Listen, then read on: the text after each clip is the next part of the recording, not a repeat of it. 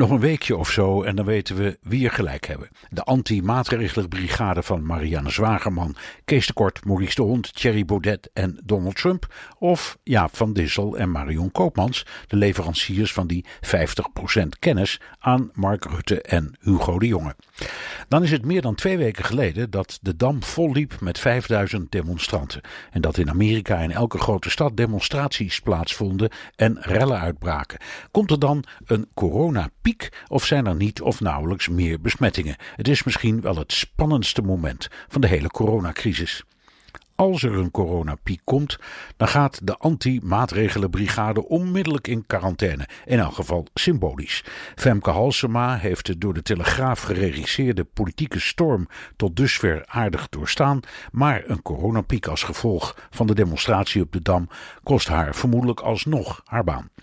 De door Jaap van Dissel en Marion Koopmans aangeleverde kennis aan Mark Rutte en Hugo de Jonge gaat van 50 naar minstens 75 procent gastronomische pioniers die net weer begonnen te wennen aan een hapje eten buiten de deur, annuleren schielijk hun reserveringen.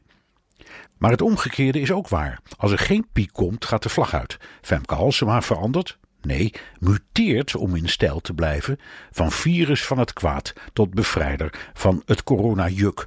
Sociale afstand, een noodwet van Grapperhaus gaat toch weg. De anti-maatregelenbrigade gaat dansend door de straten. De vlag gaat uit. Oma knuffelt haar kleinkinderen. In New York, Minneapolis, Boston, Washington, Miami, Atlanta en Dallas vallen zwarte demonstranten, witte politieagenten huilend van vreugde in de armen. En die tweede golf dan? Ach, dat zien we dan wel. De gevreesde piek na hemelvaart bleef in Nederland immers ook uit.